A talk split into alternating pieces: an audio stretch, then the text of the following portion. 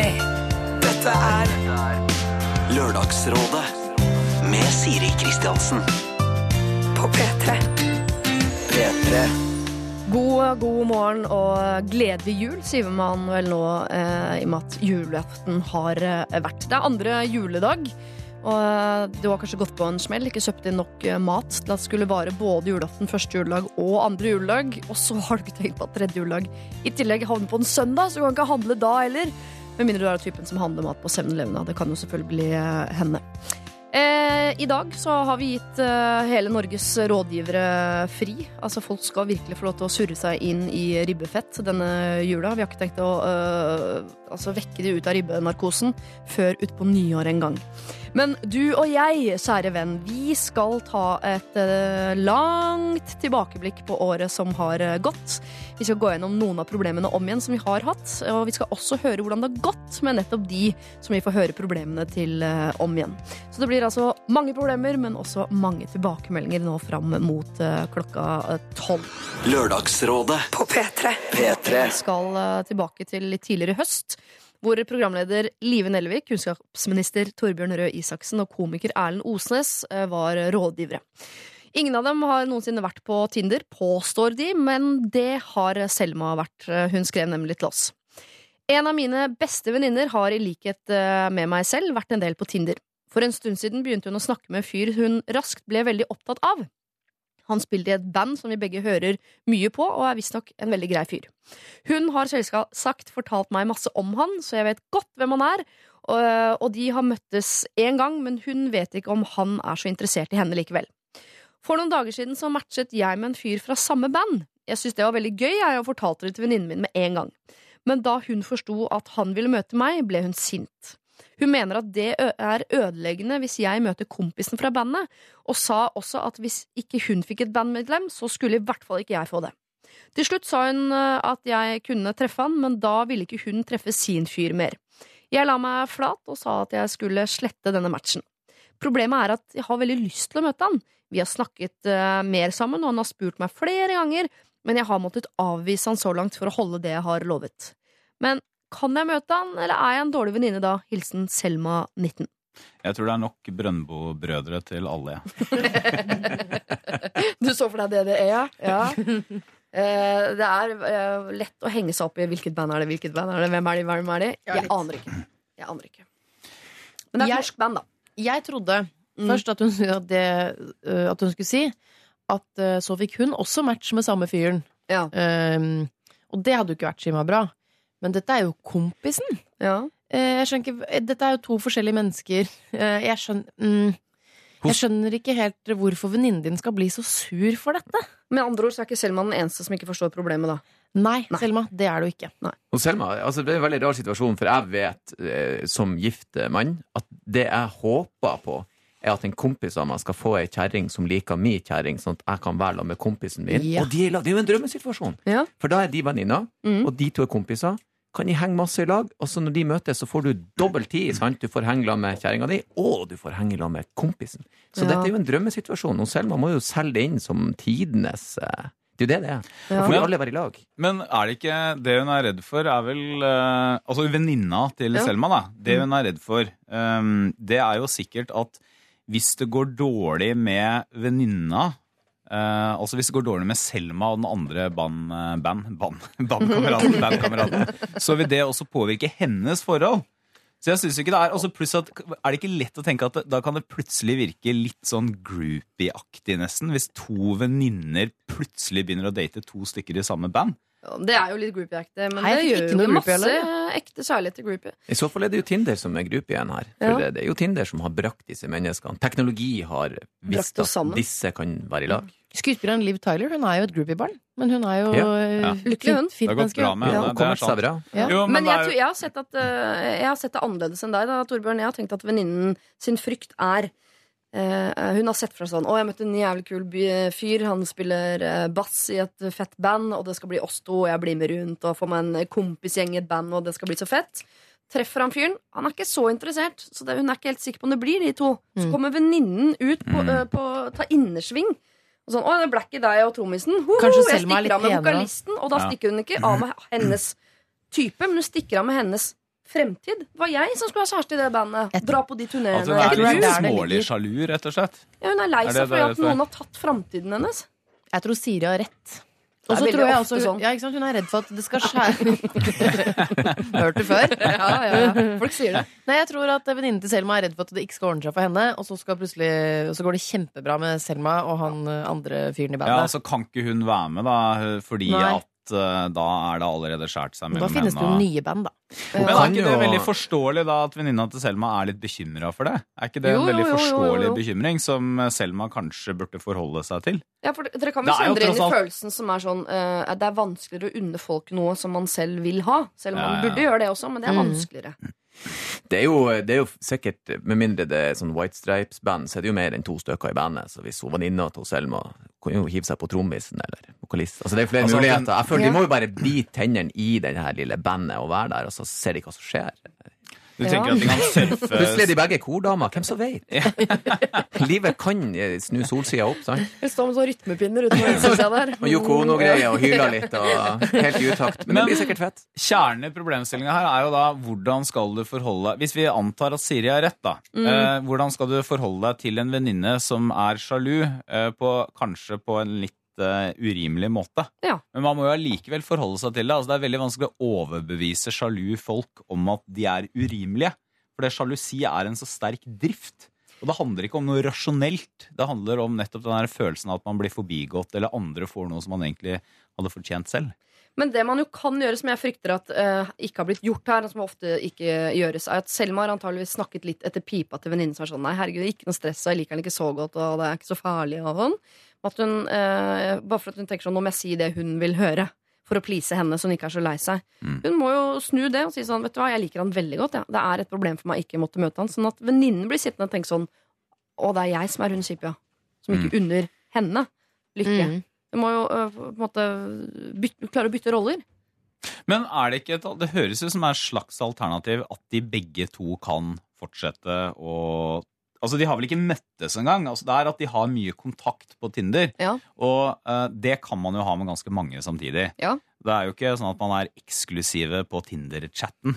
Uh, så, så jeg ville jo kanskje ikke ødelagt et vennskap fordi du er én av 20 som uh, to bandmedlemmer chatter med på Tinder. Nei, i tillegg til de, men, de møter i virkeligheten etter konserter og den slags. Ja, Men sånn eh, rent praktisk her, så kan jo hun her eh, Jeg, syns jo at hun i dagens, Ungdommen handler jo veldig fort i dag, sant? så hun burde jo bare liksom gi hun venninna ei, ei uke eller to og se om hun klarer å dra det i land. Mm. Eh, og hvis det da eh, ser ut som det går bedre, så kan hun egentlig bare lure seg inn på nytt igjen. Altså en second approach. eh, og, ok, da ser vi. Eh, og hvis hun blir ditcha, så er det jo fritt fram. Da kan hun bare ta hele bandet om, så det er jo Det blir jo to sjøl, det. Nei, men sant, Ungdommene er jo veldig fort i sånn Ja, det er så kult', og så går det ei uke. Nei, han var en løk. Så det er som Jeg tror det er høyt forbruk i Tinder. ja. Ja. Så det er liksom, vent litt, ha litt is i magen.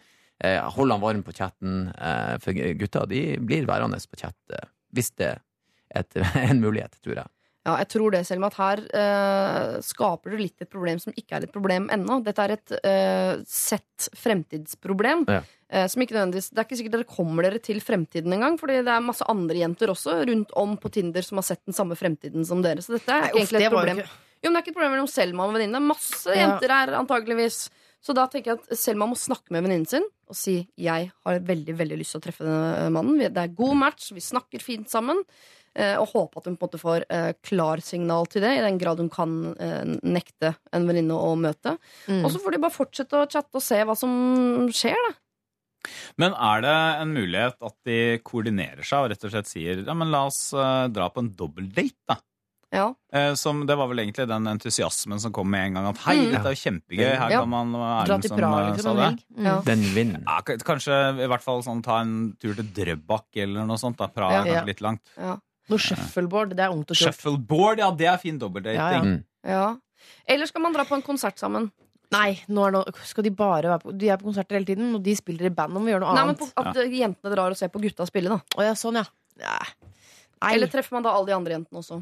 Men kan jeg si Det noe? Jeg heier nedtur, ikke på ja. dobbeltdate. Jeg. jeg heier på å finne ut av dette liksom eh, par for par. Ja. Uh, Så jeg syns, uh, jeg syns at uh, Selma skal treffe han fyren, jeg. Ja. Og så se om Det er ikke sikkert kjemien er sånn i virkeligheten. Treffe han fyren, Mm. og så tar du det etter det. Finne ut av om det er noe kjemi, Mm. og så må du eventuelt snakke med venninnen din. Ja, det var godt. Ja. Men da, hun må jo snakke med venninna før hun treffer ham. Hvis ikke så er det jo litt uærlig. Så hun må jo si at jeg har tenkt å møte ham med en gang, og så Ja. får vi ta det etterpå. Snakk med venninnen din, Selva, og legg det fram sånn. Dette er potensielt utrolig kult. Her kan vi bli eh, to vennepar hvor alle liker alle. Dette kan bli en utrolig kul felles framtid for Ja. oss. Men la oss finne ut av det hver for oss. Jeg fortsetter å chatte med min, og jeg kommer til å møte han. Så får du fortsette å chatte med din, og så får vi se hvordan det går. Og så kanskje ikke dukker opp problemer i det hele tatt. Få Snu litt på det. Se om det, dette her potensielt bare blir en helt fantastisk kul eh, sesong foran dere, hvor dere har eh, hver deres kjæreste i samme band og kan gjøre masse, masse gøy sammen.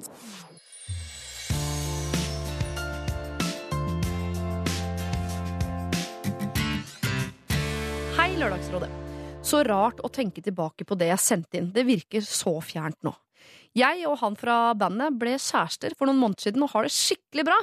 Det er rart at en Tinder-date plutselig ble til en jeg nå er glad i. Teknologi, altså.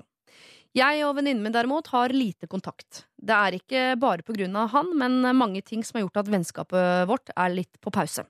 Den hendelsen var nok dråpen som gjorde at hun sluttet å stole på meg, som selvfølgelig er eh, kjipt. Men jeg tror og håper vi skal finne tilbake til hverandre snart, og jeg vet at hun er glad for at jeg har funnet en som er så snill mot meg, og appåtil er en kul gitartype.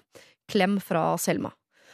Åh, sånne mail gjør altså så godt. Ikke at hun har øh, altså mistet venninnen sin, i hvert fall nå for en liten periode, men at hun har blitt sammen med denne fyren. Også på Tinder! Helt enig. Teknologi, altså.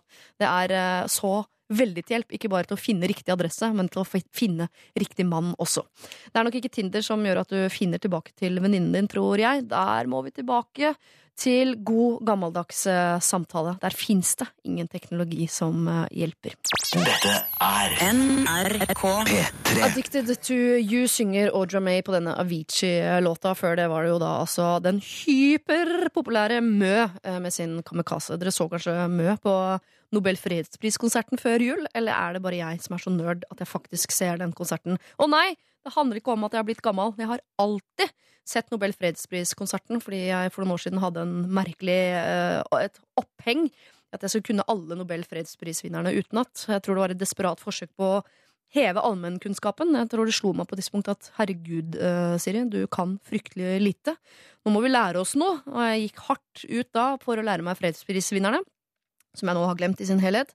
Eh, Jeg skulle lære meg alt om attentatet på John F. Kennedy. Der husker jeg ganske mye, men det er fordi jeg ser filmen ganske ofte.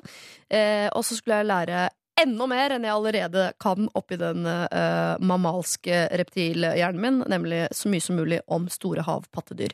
Der kan jeg en del fortsatt, men det er ikke sånn Jeg tar ikke nødvendigvis kakespørsmålene i TP, for å si det sånn, hvis det dukker opp noe bardehvalfrågor. Det er ikke alt der jeg kan, men noe. Absolutt noe. Eh, Det skal ikke handle om meg og mitt kunnskapsnivå eh, på noe som helst eh, måte her i dag. Det skal handle seg, handle seg om deg. Og hvis du har vært en av de som har sendt inn problem her til Lørdagsrådet i løpet av 2015. Vi går nemlig bakover i bunken, Se litt på folk som har fått hjelp tidligere. Hvordan har det gått med dere? NRK. Dette er P3. Jeg burde helt sikkert ha funnet ut av uh, hvor dette bandet kommer fra, men jeg velger å, å gjette på Tyskland. At de heter Gundelach! Og at dette da er deres låt som heter Spiders. Uh, regner med at det er et tysk band som elsker filmer som Harry Potter og den slags. Men det, det tar jeg ut fra mitt eget hode, og jeg har allerede jo nevnt hvor lavt kunnskapsnivået der oppe egentlig er. Vi skal nå til eh, Guro. Eh, jeg skal ikke si noe om hennes allmennkunnskapsnivå, men hun har hatt litt uflaks eh, med ligginga. Ikke at det har vært lite av det, men hun har ligget med for mange gullfisk i den samme bollen, for å si det på den måten. Hun sendte mail hit for noen måneder siden. Hun er 20 år gammel, hun har hus, hun har barn, hun har en mann hun elsker. Problemet hennes var at hun tidligere hadde ligget med den ene broren til mannen sin, men det vet da mannen ingenting om. Eh, Trond-Viggo Torgersen, eh, Siggen fra Ramona og Siggen og Christer Torjussen var rådgivere, og her er mailen eh, som Guro sendte.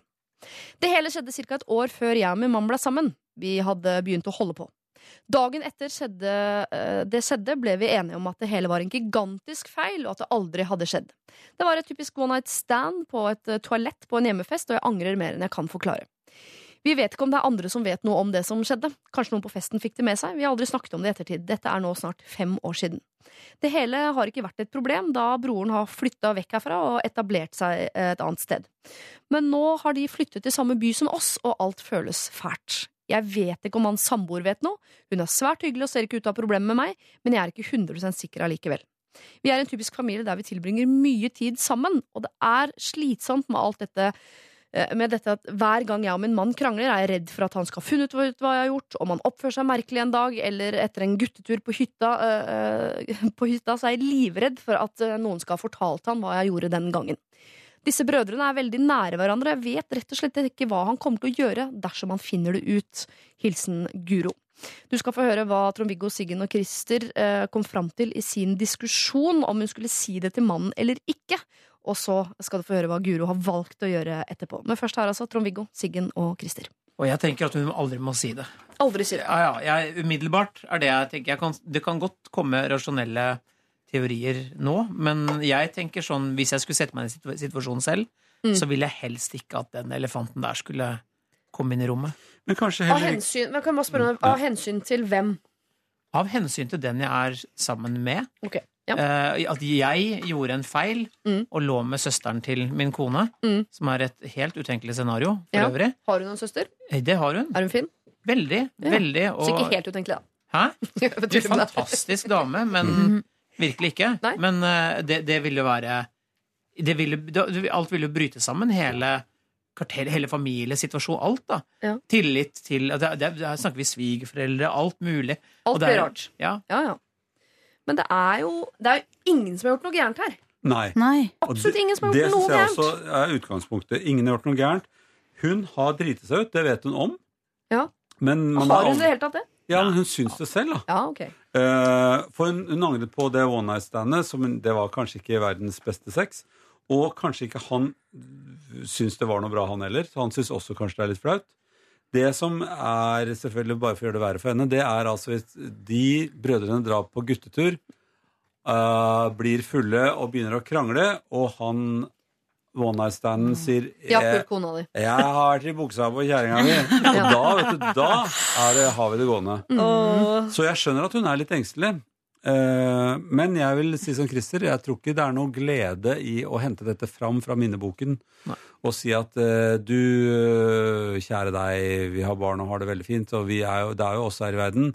Men jeg har en sånn dum fortid. Jeg har jo ligget med noen som jeg ikke syns er noe gøy at jeg har ligget med, og blant annet eh, din eh, kjære bror. Og da, da hva, hva skal du få ut av det, da?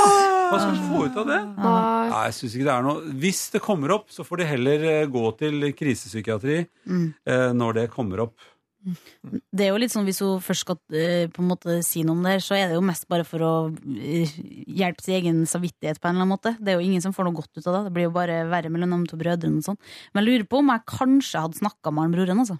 Broren? Faktisk, ja. Eller altså bare sagt sånn jeg Bare forsikra meg om at det, altså, det som skjedde for fem år siden, det Mm. lar vi bare Det har aldri skjedd. sant? Eller jeg vet ikke, Det høres så utrolig Men da henter du det fram igjen. Ja, man gjør jo det, men samtidig så er det bare akkurat som du sa, det med skrekk, og dem to er på en telttur Men uansett hvor sint jeg hadde vært på broren min, tror jeg aldri jeg ville dratt fram det kortet. Nei. Og sagt at ja, du kan godt synes at jeg er en dritt, men nå skal du høre hva jeg har gjort. Jeg vet Mm, ikke, jeg, jeg tror aldri det ville vært et, noe jeg ville dratt ut av armen og tenkt at det var smart. Nå skal jeg også Smart er det jo ikke. jeg, Det er jeg som har vært mest på denne hytta, som vi skal arve av mor og far. Åh, det kommer arveoppgjøret. Ås, og der kommer det. Mm. Men det, det er om 20 år, da. Mm. Ja, Ja. han, Broren din, var han å gå i senga? Nei, det var han ikke. Ja. Men hva? hva skal vi gjøre med det der? Det, jeg synes ikke det, det, det gir ingenting. Nei, nei, det gjør ikke ikke Jeg det. gjør ikke det. Men jeg skjønner at du tenker at hun kan snakke med denne broren om det for å forsikre seg. For det hun er redd for, er jo nettopp at, uh, at det skal komme for en dag. En Mm. dag. Og det som skjer da, den dagen det dukker opp, så vil eh, mannen til eh, Guro her helt sikkert si 'Hvorfor har du ikke fortalt meg det før?' Mm. Vi har vært sammen i 20 år. Du har hatt en milliard anledninger til å fortelle, å fortelle meg det. Ja. Nå får jeg høre det av broren min i et arveoppgjør. Ikke sant? Og, eh, eh, og da vil hun tenke 'Å, jeg skulle ha sagt det, jeg skulle ha sagt det'. Jo, men da har hun jo alle argumenter for å si at vet du hva, grunnen til at jeg aldri sa noe, er selvfølgelig fordi at jeg ikke er noe særlig stolt av det. Og jeg ville heller ikke sette denne familien her på prøve. mm. Den situasjonen vi er i nå, hvor det er disse konstellasjonene. sant? Mm. Ja. Det er argumentet. argumentet. Og eh, det kommer litt an på hvordan Altså, var hun sammen med disse to brødrene som var hyggelige og, og tukla litt med begge to, og du vet, det er deg jeg elsker-problematikken? Eller Mm. er det sånn at dette er Åh, det var det ungdomsgreiene. Du vet, vi gjorde så mye dumt da at eh, Og du har sikkert vært sammen med noen andre også. Søstera mi, for eksempel. Det er, det er jo, Du kan jo det er, håpe at han har vært sammen med søstera hennes. Ja, you, Altså, you never da- know. Ja. Hvorfor skal ting opp, altså? Husker du den sauen som uh, det, Nei, det husker jeg ikke. Når var det? Nei, ikke sant? Hvis det er, det, hvis det er sånne ting også. Man, man har gjort fryktelig mye dumt i livet. Og noen Kan man bli ting, sjalu på en sau? Jeg vet ikke, kan man det? Men noe, Ja, noe, er, kanskje, men noe er verre enn andre ting. Og det er noe av det som bare må skrives av på fortidens konto. Over drite Men seg det ut kan jo hende at akkurat denne kjæresten til Guro er en fyr som tenker sånn Herregud, vi var jo ikke sammen. Er ikke noe å tenke på. Nei. Det kan hende. Jeg Ja. sier at Det er ikke veldig sannsynlig, men det kan hende. Og da er det jo dumt da at Guro skal gå rundt i årevis og være livredd hver gang han er sint, livredd hver gang han er på hyttetur, livredd hver gang han drikker, livredd, livredd, livredd hele tiden. Og så viser det seg at å ja, han har visst det hele tiden. Han. Det er selvfølgelig han. Åh, ja. De har visst bilder, altså de har snakket Alle vet det, er ingen som bryr seg om det. Det er jo bare gøy. Men det er jo samvittigheten hennes som banker inn her. Det er jo det det er. Det er jo skammen og samvittigheten. Det Ja. er det som driver den angsten, da. Ikke Ja. sant? Eh, og Men hadde det vært deilig som, å bli regel, kvitt det? Ja? som regel så Jo, men som regel så er sånne angst Sånne ting som det er irrasjonelle, da. ikke sant? Og så jevner det seg på en måte ut. Men ja, Det har gått jeg, fem år, da. ja. Tenk på det fortsatt. De har fått Ja. barn sammen, de har flytta sammen. Det er dem, liksom. Jeg synes det høres kjempestress ut. da. Hver eneste situasjon når det er litt sånn boble og sinne mellom dem to, så tror hun at det er Ja. det. Jeg vet ikke om jeg hadde klart å leve med den angsten der. Det er et nesten umulig valg å ta. Fordi eh, Hvis hun hadde visst hele sin framtid, så er det jo veldig rett å vite at eh, hvis jeg ikke sier det nå, så kommer det aldri fram. Mm. Ja, da sier du ikke noe nå. Nei. Men det vet du ikke. Det kan komme fram om ti år. Da kan han få ti gode år. Da kan han bli sint, eller kanskje han ikke blir sint. Altså, Men den Man vet one night standen kan jo også være sånn at han har Han husker det ikke engang. Ja. Han øh, Og det er kjipt å ta opp det, Ja, så skal bare man ta det Hæ, opp. shit! Ja, det ja, Han var så full. Lå jeg med henne? Lå jeg ikke Nei, det var jo Vi klinte nå på den doen. Men det ble jo ikke noen ting. Eller gjorde det det? Ja, ok. Jeg bare, jeg bare glemmer, jeg glemmer det. At han har et sånt problem. ja. Uh, og, og, og, og så kan det være sånn at hvis dette her er en ting som er spennende for henne, så er det mye verre, eller om det er en sånn past-ting. Ja, ah, nei, for ikke, nei, men det er virkelig øh, Jeg ikke leser noe mellom linjene, at dette er litt spennende, og Nei. at det kan skje igjen. Eller at det er noe, så jeg Mm. tenker at sånn, Her er det en som virkelig bare har gjort noe hun angrer på, øh, som hun ikke skulle ha gjort, osv. Mm. videre Jeg tror man Men- skal hate sine søsken ganske Ja. hardt for å komme usi, fortelle om en sånn ting. Ja. Ja. Fordi hvis man, altså Som regel så er søsken har en naturlig empati og forståelse for hverandre. Eh, og jeg tror jeg skulle være ja, Jeg skulle ha en svært stor emosjonell distanse til broren min for å kunne det hele tatt si noe sånn til ham, for det, det treffer så hardt. da Ja. At heldigvis så er, det- er- heldigvis er de brødre nesten, eller ikke heldigvis. Paradoksalt nok er det Ja, det. Men jeg, ja, ja. ja, men jeg tror Jeg, jeg håper og tror at den personen som da ble ligget med før han hun er gift med nå, på en måte vet at dette her er et minefelt. Det her skal jeg aldri dra fram. Jeg tenker Men- at Hvis de to brødrene har et normalt forhold, så ville jeg ikke sagt noe. Så hvis hun ser an det forholdet mellom dem to litt, eller føler seg trygg De på er det, så veldig nære hverandre. ja, Og desto kanskje større sjanse for at det ikke kommer ut. ja, enig. Tror jeg. Men fortsatt, hun har jo ingen som har gjort noe gærent der. Men det som skjer hvis man lar hunder ligge begravet veldig lenge, det er at de råtner opp, og så går det ikke an å finne det hundeliket etter hvert. Så da er det 'memory takes it away'. Uh, det bare venter. Men eh, Ja. Det er, jeg, jeg, må, jeg må si at det er rart, for Guro har gjort noe for lenge siden som ikke er galt egentlig i det hele tatt. Nei. Og hun sitter nå etterpå og har, føler på skammen. Hun kan ikke si det, hun må være alene om det. Eh, Det går ikke an å prate om det. Og vanligvis så sier man sånn, det går an å prate om alt. Er dere glad i hverandre, så fins forståelse og sånn. Men allikevel så lander vi altså her i Lørdagsrådet på at Guro, dette her må du ikke finne på å si høyt. Her må vi ta sjansen på at det der aldri kommer fram. Eh, hvis de er glad i hverandre, de brødrene, så kommer de aldri til, han kommer aldri til å bruke det mot broren sin. Eh, og hvis det er sånn sier at ingen andre heller vet om det, så kommer dette aldri fram. Eh, og vi, selv om det er et vanskelig valg å ta, så syns jeg jeg hører at det eh, vi lander på, er at du må ta sjansen. jeg Her, mener det- nøtten er knukket ved at vi har snakket om det. Ferdig med det. Ja. Det er Vi gått har til- tilgitt deg Ja. på vegne Ja, vi- av mannen din, Ja. barna dine og Ja. framtida di. La det ligge, Guro. er Alle har det igjen. bra. Ja.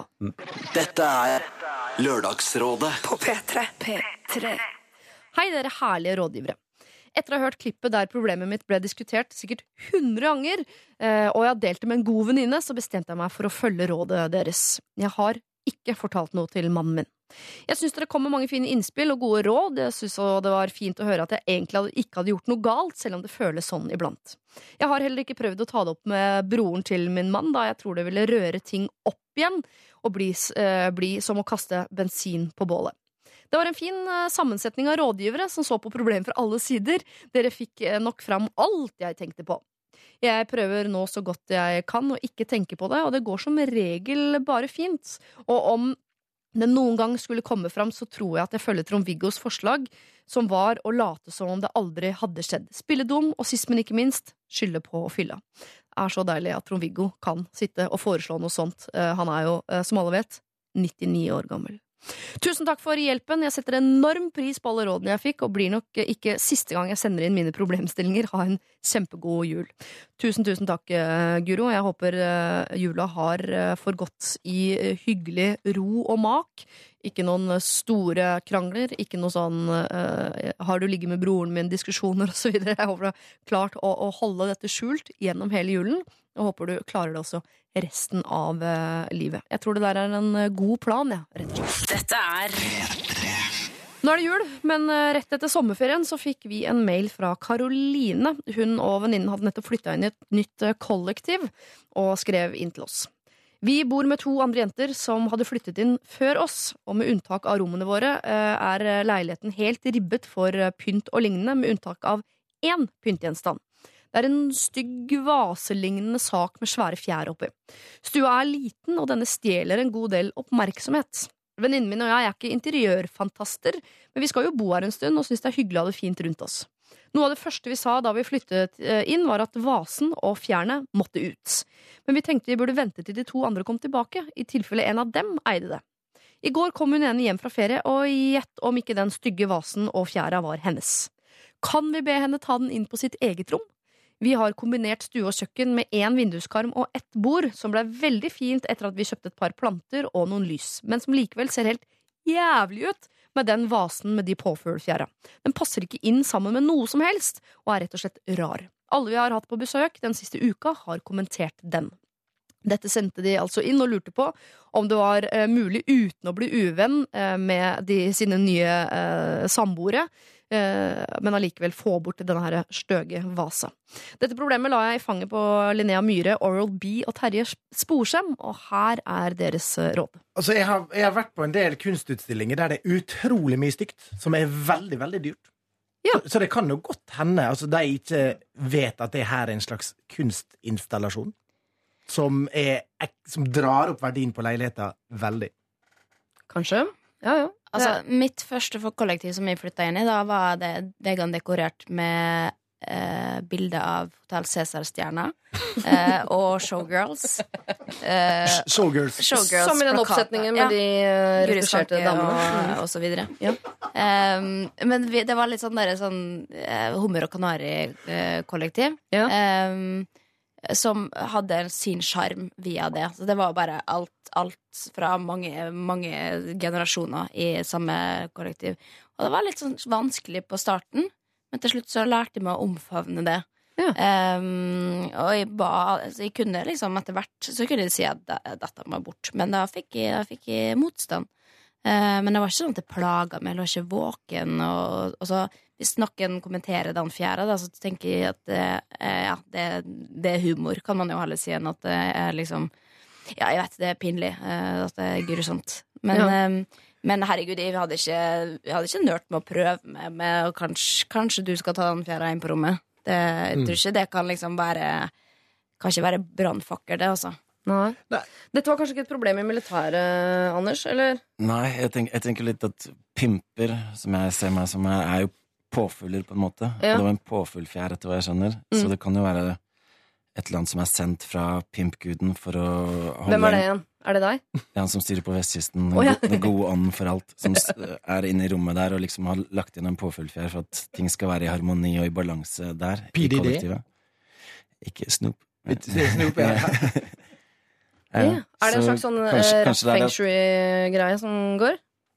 Ja, jo, vi er, Ja. vi er på det. Ja, ja, Ja.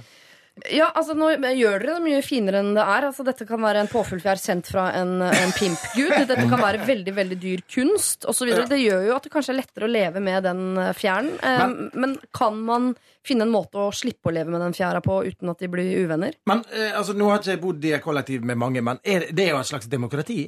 Altså, Det er jo absolutt det, men man bør jo lære å kjenne de andre før man på en måte Eller altså, da skal man gå forsiktig fram da, og liksom si Er det mulig? På en måte, skal ikke bare, Da er det stygt, da må du ta For da på en måte kritiserer du jo eh, eiendommen til Eller altså Mm. et stil da til Mm. den andre som du egentlig ikke kjenner ennå.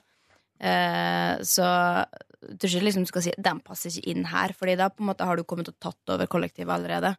Jeg mener at En av de viktigste egenskapene vi mennesker kan eh, ha, er jo å være ydmyke. Og å komme som ny inn i et bokollektiv eh, og be folk flytte ting inn på rommene sine, som noe av det første du sier, til en som allerede bodde der, eh, og som ikke har hatt problemer med den vasen.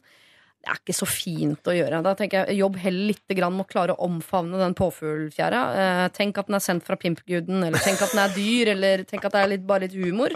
Prøv de, og hvis du om et halvt år fortsatt måtte ligger med gaffel i dusjen og skraper deg opp uh, fordi du syns det er så jævlig at det står en påfuglfjær ute i uh, allrommet, da kan du selvfølgelig få lov til å ta det opp. Men ikke sånn som det første sånn Hei, Karianne, den påfuglfjæra der. men det spørs jo litt om hva de har tenkt å bytte med. Altså, hvis det er sånn, Vi liker det pent. Se her, vi har fire bokstaver. Det er H-O-M-E, som vi vil sette på peishylla. Altså, hvis, hvis det er sand de vil bytte med, Ja. så er det jo feil. De har kjøpt et par planter og noe lys også. Det, det lukter jo litt sånn lyselilla Kid, Ja. kid Interiør-opplegg, dette her. Og, så, og det skal det jo ikke være i kollektiv. Det skal jo være litt røft. Det skal være mange forskjellige stiler. Det skal vise at det er forskjellige folk der. Men Ja. kan ikke de kjøpe noe skikkelig Noe som de syns er fint i tillegg? Nå Ja. har du de fjær og din vase. Jeg har mine fire bokstaver.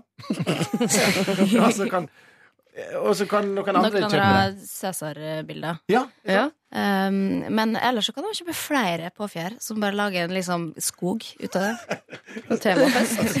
Du får en hel Kan vi ikke ha temafest med påfugl? Eller alle er påfugler? Eller bare å- lei din egen leilighet. Fri for påførselsjakt. Selvfølgelig, Det må jo være på sikt løsningen her, å flytte for seg sjøl. Men den Showgirls-plakaten hadde vært kjempefint til disse påfuglfjærene. tenk. Altså, nå, nå har jeg et konsept gående inni mitt hode. Eh, men da blir det partyleilighet. Det skal dere være klar over. Eh, Karianne, jeg er på ditt lag her. Altså. Jeg, fordi jeg ville hatt veldig problemer med å bo i en leilighet med en vase med en påfuglfjær. Men jeg er jo, i motsetning til deg, så er jeg en interiørfantast. Jeg hadde fått eh, eksem på innsiden av huden min eh, ved å bo med en påfuglfjær, uansett hvilken gud som hadde sendt den. Eh, så jeg er på ditt parti her, men jeg tror hvis du skal ha det hyggelig i kollektivet, så er du nødt til å gå litt ydmykt fram her. Du må eh, tenke at det er humor, eller du må tenke at den er sendt fra Gud, eller at det er eh, dyrt, dette her, og se om du kan lære deg å elske det på eh, sikt.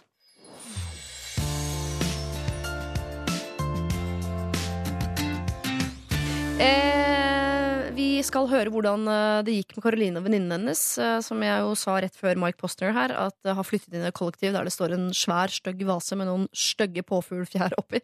Eh, sa de fra noen gang til sine romvenninner om at den må flyttes, og hvordan gikk det i så fall? Her står det. Det ordnet seg for så vidt. Vi fant ut hvis vi ikke kunne få det stilfullt og ryddig, måtte vi gå for det motsatte, nemlig kaotisk og sjarmerende. Så nå har vi fylt opp stua med nye planter, masse lys, et lite basketballnett, nips og pynt som har historie og sjarm, men ingenting matcher. Det er veldig koselig her, og påfuglfjærene syns så vidt bak den svære palmen vi har kjøpt. Men vurderer fremdeles å knuse den ved et uhell. God jul til dere! Ok, ehm, jeg ser at det er eh, løsning på et problem. Eh, og dere har jo sagt det, at dere ikke er interiør, interiørfantaster. eh, men her syns jeg på en måte at man har tatt eh, åtte lag med dekkstift utapå en kvise. Eh, og det er jo løsningen på et problem, eh, absolutt. Men det er ikke sånn at kvisa den har eh, på ingen måte forsvunnet. Og kvisa her er vi jo alle enige om at er den stygge vasen med de stygge påfuglfjærene. Og jeg mener at hvis folk har en kvise, så må du i hvert fall beholde den i eget fjes! Med andre ord, jeg syns den vasen må inn på privat rom og ikke ute i fellesarealet. Vi deler ikke kviser, gjør vi vel det? Så glad er vi ikke i hverandre. Kom igjen da, folkens. God jul. Dette er Denne gangen så går vi tilbake til en sending vi hadde sammen med Harald Eia, Jonas Kinge Bergland og Line Verndal. Og om jeg får si det selv, så tror jeg det er en av mine absolutt favorittsendinger. I hvert fall fra 2015. Eh, Et av problemene vi fikk inn, gikk som eh, følger. Hei, bestevenner jeg ikke kjenner. Jeg er veldig lykkelig for tiden fordi jeg endelig har blitt fridd til, hurra! Jeg har vært litt ekstra utålmodig fordi kjæresten min har vært gift før, og jeg har jo vært redd for at han ikke vil gifte seg på nytt. Dette har jeg gitt klart uttrykk for, for han. Eh, men frieriet eh, kom, men dog ingen ring. Jeg vet ikke om jeg er skuffa eller om det er greit. Jeg vet at han eh, ikke kommer til å bruke ring selv, og det er helt greit. Vi er ikke sånn supertradisjonelle av oss, og noe kirkebryllup er bare å glemme. Har jeg lyst på ring bare for å kunne vise den fram til andre? Det er ikke økonomi det står på, og uansett hadde jeg aldri villet ha noe dyre greier. Det de driver med i USA, hvor forlovelsesringer skal koste tre ganger månedslønn, er jo helt sinnssykt. Kan jeg spørre kjæresten min om hvorfor jeg ikke får ring, eller fremstår jeg da som barnslig og utakknemlig? Nå har jeg jo på en måte mast meg til et frieri. Burde jeg egentlig være fornøyd nå? Vi skal høre hva Harald Eia, Jonas og Line mente om dette. Og så skal vi få høre eh, hva innsender sjøl mente om rådene hun fikk om litt. Men først altså Harald, Jonas og Line. Åh, dette var spennende spørsmål, fordi eh, dette er jo eh, Det er som å lese et stykke av Ibsen eller et, eh, en flott eh, Oscar-vinnende film, hvor ringen Det handler ikke om ringen her. Ringen er et symbol på på noe. herre? Nei, Det er handler ikke om ringen der heller. Nei, det er akkurat Det det. er sykt. Ja, det er helt riktig. Det handler om noe mer. Det er jo ikke selve ringen. Hva er det ringen symboliserer? her? Hva er det ringen står for? Det er det vi vil komme til bunns i her. Hun vil jo vise fram til andre at Ja. hun har kapret han som jo har vært gift før. Og det er Hun har vunnet over eksen. Det er noe mer her òg, for hun har, jo, hun har jo lengtet etter dette frieriet. Så ringen, ringen er jo et symbolsk uttrykk for hans forpliktelse til henne. Ja. Det er materialisert eh, kjærlighet. Ja. Da har hun kjærligheten hans på fingeren. ikke sant? Det er det hun, den sikkerheten, hans dedikasjon til henne. Det er den hun lengter etter. Ja. er min analyse etter å ha sett masse filmer. Jeg, jeg trodde fullt og fast på det. det er, eh, men ehm, ja, for det må jo være ganske kjipt for henne hvis hun på et eller annet tidspunkt møter hun eh, ekskona. Og så sier sånn Ja, nå er jeg forlova. Ja, gratulerer. Få se på ringen, da. Nei, jeg har ikke, jeg har ikke noe ring. Så hadde jo det Altså, jeg skjønner jo at man vil ha akkurat det samme som den forrige fikk. Tenk hvis noen andre ikke fikk. Å, du har fått Ja, det er ring. mye du. greiere. Jeg fikk aldri ring. Han må bare si, Har du blitt med eh, ring nå? Og det hadde vært et deilig øyeblikk for henne. Ha på Stovner-senteret der. Å, ja, ja, ja. Men eh, jeg syns jo hele forlovelsesringpakka er veldig rar. Altså, Dere skal gifte dere, da kommer det en ring. Slapp av, da. Altså, jeg skjønner ikke hvorfor man må ha en ring som et symbol på at man skal få en annen ring om en stund. Det har jeg aldri, aldri Men det må jo være fordi hun vil vise Det er jo fordi hun vil vise det frem, og fordi hun vil stole på at han skal gjennomføre At ikke det bare er sånn Jo da, vi gifter gifte meg med meg, ja ja. Så er det bare mellom oss, på en måte, men vi Ja, men Hvorfor trenger vi liksom sånne ha- materielle ting som ringen? Jo, det er fordi ikke sant, menneskelige relasjoner flyter hit og dit, og kanskje de har kranglet en dag, og hun er på vei til jobb, en morgen de har kranglet. Så går hun på vei til jobben, så ser hun den ringen her. Ja, men han elsker meg jo. Da Ja, men må på se det. på den for å skjønne det? Sånn er vi mennesker. Vi er ikke bare fornuftsvesener, Jonas. Jo. Vi er følelser. Og materialister. Ja, ja, ja. ja men man skjønner jo, altså Jeg kan skrive ned på en lapp, da. Men uansett, hun har Vi skjønner behovet. Hun kan kan hun be om det? Nei, ja, ja, og var det. det var måten hun sa det på, at hun skulle henvende seg til kjæresten. Altså, 'Hvorfor har jeg ikke fått ring?' Det må hun ikke si. Nei, da blir hun så sur eh, dame. Det går Ja, ikke. Det bra. er ikke noe særlig. Hva skal hun si, Line? Eh, hun eh, um, Og hva skal hun si? Fader, jeg har aldri vært i den situasjonen. For Må leie masse Eh, filmer med ring som Ja. eh, The Ring. Ja, Lord of the Rings. The Ring. Da får du ikke lyst på ring Men, men, etterpå. men hun, hun tviler vel på hun, hun trenger vel at han tar initiativet neste gang. Hun? Hvis hun har, føler at hun har mast og mast og mast, og mast så trenger hun vel at han bekrefter at han faktisk elsker At de kan bare gjøre det. For det er det ikke mange menn som bare blir fanget av damer? Jo, jo, jo. Som bare Å ja, så, å ja, så gifta jeg meg, og så bare blei det sånn fordi hun ville så innmari. Jeg har Ja. møtt mange sånne. Jeg vet ikke om de bare sier det til meg for å øh, ønske noe annet. Jo, det er sånn livet snubler videre, da. På ja. den måten ja, og så blei det bare sånn, og så, ja, så var det greit, liksom. Men, eh, men hun vil jo at han skal engasjere seg i det. Det er jo det hun vil. Ja, for da, da kommer kan hun til ikke å nyte mase. den ringen hvis hun maser seg Nei. til den? Nei, men Kan hun ikke si istedenfor å si 'Hvorfor har ikke jeg fått ring?' Så kan hun si 'Vet du hva, kjære, kjære deg, som jeg er så glad i, og som jeg gjør alt for. Jeg har så innmari lyst på en ring.' Det hørtes veldig bra ut. Ja, da. det var fint. Ja, og da Åh. hvis hun hun- hun da gir han en sjanse til å vise at han bryr seg veldig om hennes behov. For han elsker jo henne òg. Og da tror jeg han vil si ja, men herregud, selvfølgelig skal du få en ring. Da er ikke det fine øyeblikket tapt ennå. Nei. Nei. Ja, eh, men eh, bare det, eller skal hun legge til noe om eh, Det er Veldig fine sånne billige ringer Tom Wood på Palais, kan du si. Ja, for det går an å legge Man får jo sånne ting i posten hele tiden med reklame fra Tune og alle disse her. Kan bare ligge litt sånn tilforlatelig ved siden av kaffen på morgenen. Ja, men de Liksom der hintegreiene er litt sånn dølle. Jeg jeg er mye mer fan av den der direkte talen som er bare sånn ærlig, uten å være naggy og masete. Bare si sånn Du, det her betyr faktisk veldig mye for meg. Og det hadde vært veldig koselig. Hadde ikke det vært koselig? Jo, jo, Altså, jo. sånn, lokke det litt fram, uten å være sånn derre Uh, Ja, altså passiv, eh, småaggressiv hinting, ja. Mm. Når begge dere, som jo er menn, kan fortelle Line og meg at dere ville reagert ganske positivt på at en jente ba om å få en ring, så tenker jeg at Marianne absolutt kan be om å få en ring. Men hvis han er negativ til det også, skal hun da begynne å mase om det, eller er dette et engangsspørsmål? Da er det bare ferdig med hele Da dropper hun hele Ja, da driter hun helt Ja, for Som regel er jo problemet hos menn at de ikke ser hennes behov. Ikke det at de ikke har kjærlighet, men de ser det bare ikke. De legger ikke merke til det. Nei. Så hvis hun eh, gjør det tydeligere for han hva behovet er, og sier eh, for å få dekket dette behovet, så trenger jeg den ringen Ikke så pedagogisk, da, han skal jo si det med kjærlighet på en mye finere måte, men eh, Så vil hun antageligvis få den. Jeg er bare på jakt etter eh, Hvis hun får motstand på det, skal hun eh, presse for å få gjennom ønsket sitt om en ring? Eller skal hun la Nei, presse, hun fått frieriet, skal hun la ringen ligge? Ikke presse, men spørre liksom hva, hva, Hvordan ser du på det? Hva, hvorfor er det et problem hvis det er et problem? Ja, men Et spørsmål er et spørsmål, men to spørsmål er mas.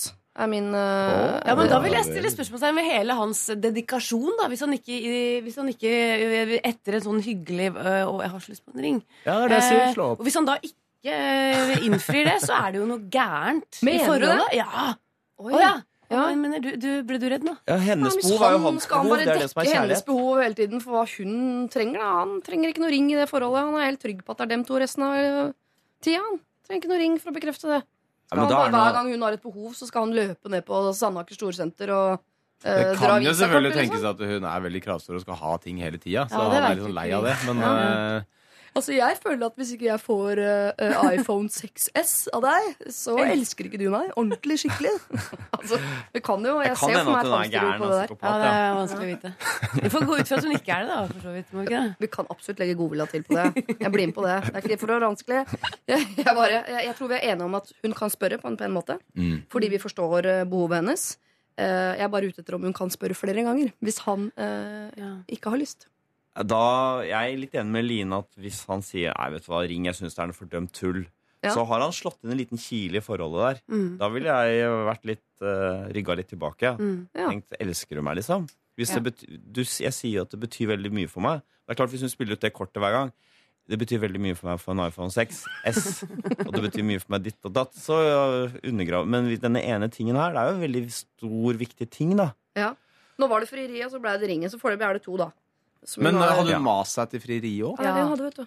Ja, den er ikke så bra. Så det er veldig touchy. Ja. Det er masing i bånn av uh... Jeg føler liksom at det er som å prøve å få en uh, Hvis du har liksom, uh, fått en robot litt ut på vannet, Ja. eh, og så skal du få den tilbake igjen ved å drive og prøve å kaste stein i vannet rundt den der Det er veldig Ja. fort gjort at den driver lenger ut. Skremme den tilbake. Ja.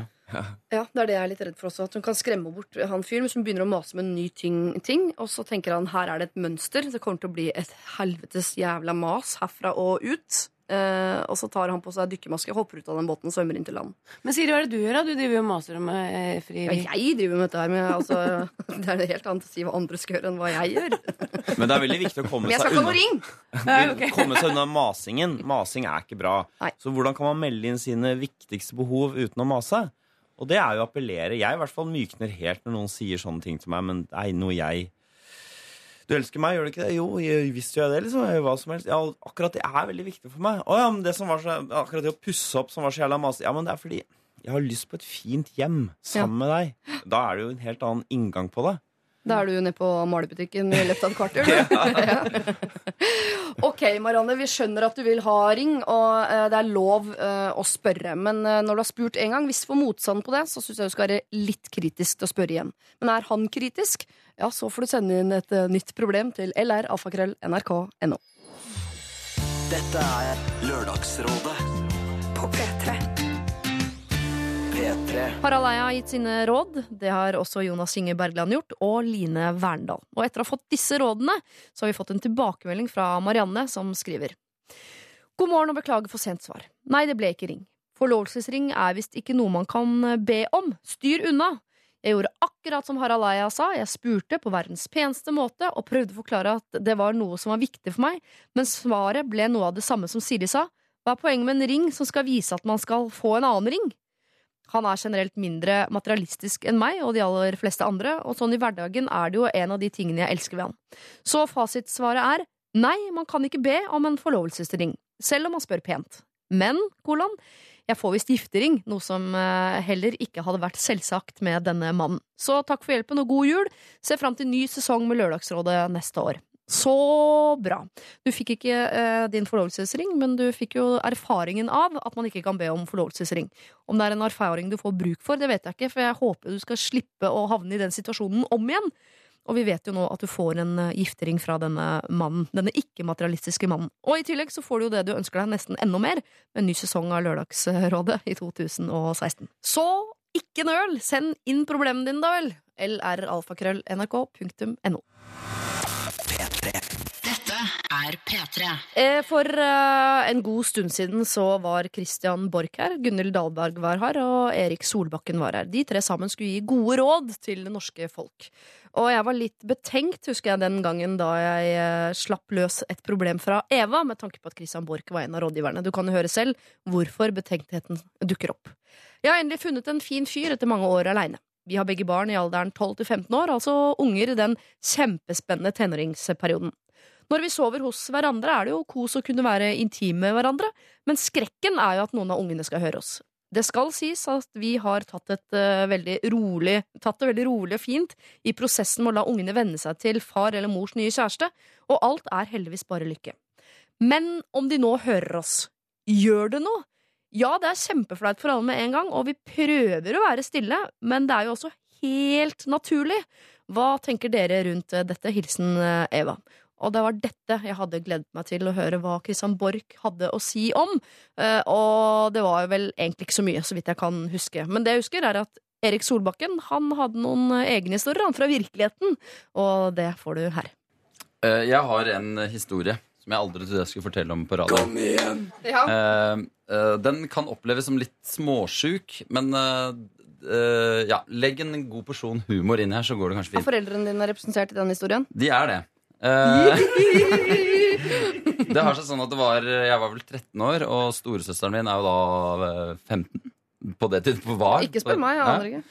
Eh, og så er klokka sånn eh, litt seint på en lørdag kveld. Eh, og så hører vi at hun kommer hjem. Det er vel kjæresten, hennes daværende kjæreste som kjører henne hjem. Eh, hun tusler inn i huset, og jeg er våken og står og pusser tenna. eh, og mamma er også våken. Så sier jeg til mamma eh, nå skal du gå inn på soverommet. Og så skal du lage sånne høye sexlyder. Så skal vi se hvordan eh, storesøster reagerer på det her. og hun syns da det umiddelbart var en såpass god idé eh, at hun, velger å følge sin 13 år gamle, gamle sønns råd Ja. om å gjøre det. Eh, jeg springer ut og sier «Eh, Mari, Mari, kom inn, kom inn, dette her er kjempekult. Og hun tror det er noe stilig på gang. Og så går vi inn i gangen, og så hører vi da de dårligste eh, sexlydene, som er sånn uh, nei, å nei, uh, ikke gjør det! Sånne ting. Eh, eh, men hun, hun klikker. Hun springer ut av huset eh, og får et mentalt sammenbrudd eh, fordi og hun mener at jeg er syk i huet som vil at vi skal inn for å høre våre foreldre. Eh, så moralen her er eh, ja, ikke lag så mye som en lyd. Eh, vi fikk jo avklart det dagen derpå, eh, men eh, det må vel være noe av det verste du kan høre når du er fra 12 til 15 år. Ok, ja, Ja. Det er en eh, fin moral i historien, men det gikk jo bra med søsteren din etterpå. Hun sier jo det er jo kjempe, det er grusomt Altså, det, vet, en gang. Det, det, går over. det vet du ingenting om. Nei. om det gikk. Det er sant. Eh, hun jobber nå som psykolog. Jeg vet ikke om vi skal ta det trenger ikke å ta hele CV-en. Nei, Nei. trenger ikke det. Eh, men er det ikke bedre at det er eh, en ny fyr, i hvert fall? For det verste man kan gjøre, er jo at mamma har sex med pappa. Det er jo helt jævlig. Jeg syns ikke eh, foreldre bør ha sex. jeg. ok. Nei. At vi bør tenke masse på det også. Ja. Jeg vet ikke, nå Hva tenker du, Kristian? Her er mor er nyforelsket i eh, en eh, ny type. De har tenåringer i hus. Er det et hensyn man skal ta? Ja, jeg tror det. Ja. Enkelt og greit. Ja. Du ser litt skamfull Ja, ut ja, jeg tror det. det- Jeg var visst ikke Jeg, var- jeg falt litt ut der. Nei, jeg, jeg, nei, ja. Jeg mener det. Jeg tror det. At de skal ta det hensynet. Ja. Og bare øh, altså, være lydløse, rett og slett. Mute være kjærligheten. lydløse, men et, et hensyn der, ja. Det tror jeg. Ja. Uten, at jeg. uten at jeg tror så fryktelig mye mer enn det. Så hvis du nå kunne slutte å stille spørsmål til meg og stille det til en annen, så ville jeg bli glad. Du syns det er litt pinlig? Nei, absolutt ikke. Men jeg, bare, jeg greier liksom ikke å mene noe særlig mer enn akkurat det om dette. For å Nei. si det sånn. Men eh, min eh, umiddelbare tanke er at jeg tror de bør ikke lage for mye lyd, nei. Nei. Nå ser jeg manuset, sitter jo- jeg ser på manuset sier jo neste spørsmål til deg, Kristian, det er lager du mye lyder. Jeg tror kanskje ikke du skal, Gå dit. ikke skal gå dit. Nei, jeg har ikke noe Har ikke noe, har ikke noe Du skal få slippe å svare på det. Har ikke noe som hører på. Ta det helt med ro. Det står det ingenting om. Det gjør ikke det. Eh, Gunhild Dahlberg sitter jo med puppen ute og ammer sin sønn i en sakk-og-sekk og roper 'gagball'. Det er et komplett bilde for meg. og jeg lurer på om vi også skal ta det med oss eh, videre. Jeg tror jo det er enda verre om de skulle bli tatt på fersken. Og mor har gagball i tillegg, må jeg innrømme. Men takk for rådet der borte i ammekroken. Eh, kjære Eva, du er nyforelsket. Det er jo veldig hyggelig å høre, da. Eh, men oppi den nyforelskelsen så tror jeg du har glemt hvordan det er å være tenåring. Eh. Det er flaut i det hele tatt å ha en mor. Tanken på at du skal ha kjæreste, eller at du skal ha et liv eller en kropp, eller at det fins noe under klærne dine, er helt forferdelig for oss å være klar over. Eh, så de greiene der må dere mute, eller legge til de helgene hvor dere jo da ikke har eh, barn. Eller get a room, da, som er jo Det det, er derfor folk drar originale på spa til Larvik, tenker Ja. jeg. Altså. Farris eh, spa, kjempested å korpulere. Det er bare å komme i gang, altså. Har du andre problemer eh, som eh, Christian er mer komfortabel med å snakke Jeg var om? ikke ukomfortabel. Jeg var bare altså ikke, ikke tilknyttet. ikke koblet til dette problemet. P3. Dette er Lørdagsrådet på P3. P3. Christian Borch, Erik eh, Solbakken eh, og sistemann som var Gunhild Dahlberg, det sto litt stille her et lite øyeblikk, de eh, ga sitt ganske tydelige nei, ikke bare til lyder, men til eh, intimitet overhodet eh, i en eller annen grad. Og her er hva Eva skriver. Ja, det er ingen lett eh, problemstilling vi står i, kjæresten min og meg. Rådet ga jo et enstemmig nei til alle former for intimitet med unger i hus. Nå er det ikke så ofte vi har muligheten til å sove sammen uansett, men jeg må innrømme at det har blitt litt kos de gangene vi har sovet sammen. Det hjelper ikke med en seng som knirker fælt, men vi har da funnet en teknikk som har funket blunkefjes. Vi har altså ikke fulgt rådet vi fikk, men fortsetter å ta hensyn og være stille som mus. God jul! Klem fra fortsatt forelsket mor og far med dine og mine barn. Vet du hva? Det er kjempefint at dere tar eh, hensyn, og hvis senga deres hører på, så vil jeg også be senga om å ta litt eh, hensyn. Men det er det som er så vanskelig da, med trevirke. Det har liksom ikke noe sjel, det har liksom ikke noe moralsk kompass, og det har eh, ingen mulighet til å ta hensyn uansett. Så den teknikken deres, hvis dere blir lei av den og må over på andre teknikker som bråker mer, ja, så får dere skaffe dere en seng som bråker mindre. Kanskje dere fikk en til jul? Hva vet jeg? Ah, Godt nyttår, da. Er P3. Nå skal vi til et problem eh, med tre andre rådgivere. Harald Eia, Jonas Kinge Bergland og Line Verndal, som prøvde så godt de kunne å hjelpe Aslak, som skrev inn til oss. Foreldrene mine er dødskristne. De går ikke i kirka hver søndag, men i forskjellige gudstjenester ukentlig, på kryss og tvers i det kristne trossamfunnet. Flere gudstjenester i uka er dessverre ikke nok for dem. Når de er hjemme, står TV-en på konsekvent på Jesus-kanaler. Det er Jesuspreik døgnet rundt. Dette er i og for seg greit for meg, jeg skal ikke legge meg borti hva de bruker tiden sin på, så lenge ikke det påvirker meg, men det gjør det, dessverre. Foreldrene mine bor på den andre siden av landet, jeg er sjelden på besøk hjemme, og når jeg er hjemme så pleier stemninga å være god et par timer. Dessverre tar det ikke så lang tid før Jesus også er på besøk. En periode prøvde jeg å svare all Jesus-preiket med argumenter og diskusjon, men etter hvert har jeg lært at å diskutere religion med religiøse er nyttesløst. Øreklokkene settes derfor på, og Netflix blir min beste venn resten av oppholdet. Jeg straffer deres Jesus-preik med stillhet. En annen del av problemet er når tankene deres eh, når offentligheten. Ni av ti innlegg som deles av dem, eh, handler om Islam-Palestina versus Israel, svartmaling av mennesker som flykter fra Syria, bibelvers, Frp-propaganda eller latterliggjøring av tidligere statsministre fra Arbeiderpartiet. Skammen fyller meg til randen når jeg tenker på hva gamle naboer og venner tenker om genmaterialet mitt. Foreldrene mine er basett, er besatt. Basett. Hilsen Aslak. Og det Aslak lurer på, er rett og slett om han skal eh, slette sine foreldre som venner på Facebook. Og det har Jonas et klart svar på. Er det hele spørsmålet? Ja. For det er, ubetinget ja. Ja. Fjern dem. Ja, ja, ja. Altså, det der, der det går ikke, liksom. Men det er bare eh, Jeg fjerner jo folk veldig lett da fra Facebook. Eh, hvis du liksom poster for dølle ting, eller hvis du kommer med et sitat sånn derre Tenk positivt, og positivt vil skje, og sånne ting. Ding, vekk. Altså, det gidder jeg ikke. Det, det kjeder meg så intenst. Ja, men da Eh, vil det skje positive ting hvis du tenker positivt. Det er den positive lov. Og, det, og Facebook er ikke så viktig. Altså, sånn, eh, man, man skal ikke bruke det som målestokk på hvor nært eller eh, fjernt et, et forhold er. Så det er, hvis du syns det er kjedelig eller uakseptabelt i ditt liv, så må du bare ta det bort. Det er jo liksom Men la meg utfordre det veldig klokkeklare ja du kom med der. Eh, Fordi ved å fjerne foreldrene på Facebook, hva fjerner han da? Han fjerner jo ikke det at eh, gamle naboer og andre folk ser hva foreldrene hans skriver. Det han fjerner, er sin bevissthet rundt hva folk går og tenker om hans genmateriale. Det er ikke sikkert at det er så lurt.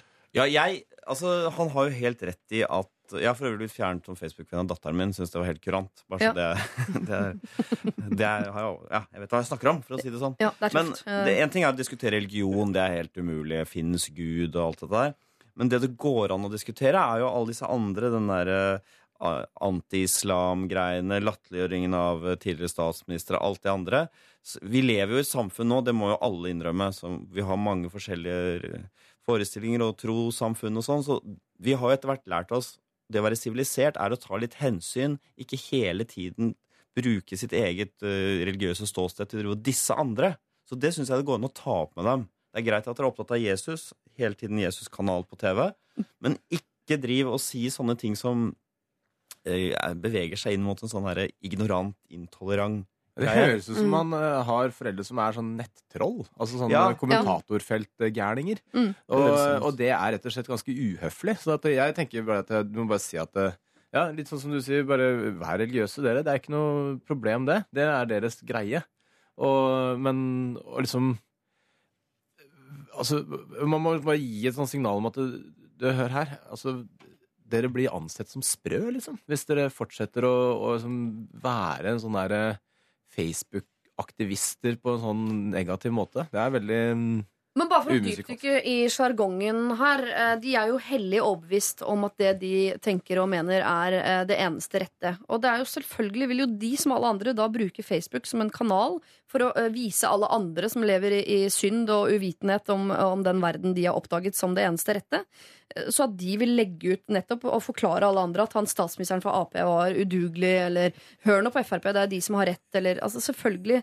De må jo få bruke Facebook til å overbevise verden om det de mener er riktig. Nei, de må som- ikke det. Altså, de må ikke um, altså, De kan gjerne mene det, og alt mulig sånt, men man må ikke på død og liv uh, rope det opp i trynet på folk hele tida. Man, man kan si sånn Altså, ha de meningene, vær den personen, men ikke uh, gjør støy i trynet til alle mulige andre mennesker som tilfeldigvis er venn med deg på Facebook. Men de har jo fått misjonering inn med uh, morsmelka, og nå gjør de det via Facebook. Ja, men, ja, og da må man bare forklare det grunnleggende med at uh, misjonering er uhøflig.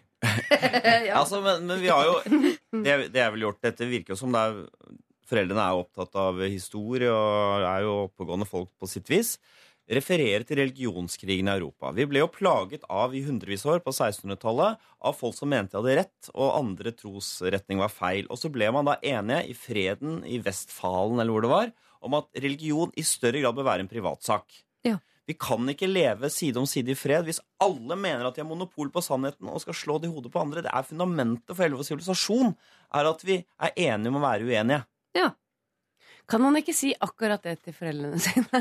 Og håpe at de slutter å, å, å, Freden i Facebook. Vestfallen eller der et eller annet sted. altså, Bare les på Wikipedia. det går. Men han, han bør jo ikke sant, Den samtalen er sikkert vanskelig å ta, men han bør jo på en måte ta den samtalen med foreldrene. Jeg, jeg, jeg, jeg regner med dere legger merke til at jeg, jeg ser på Netflix liksom, i tre Mm. dager når jeg er her.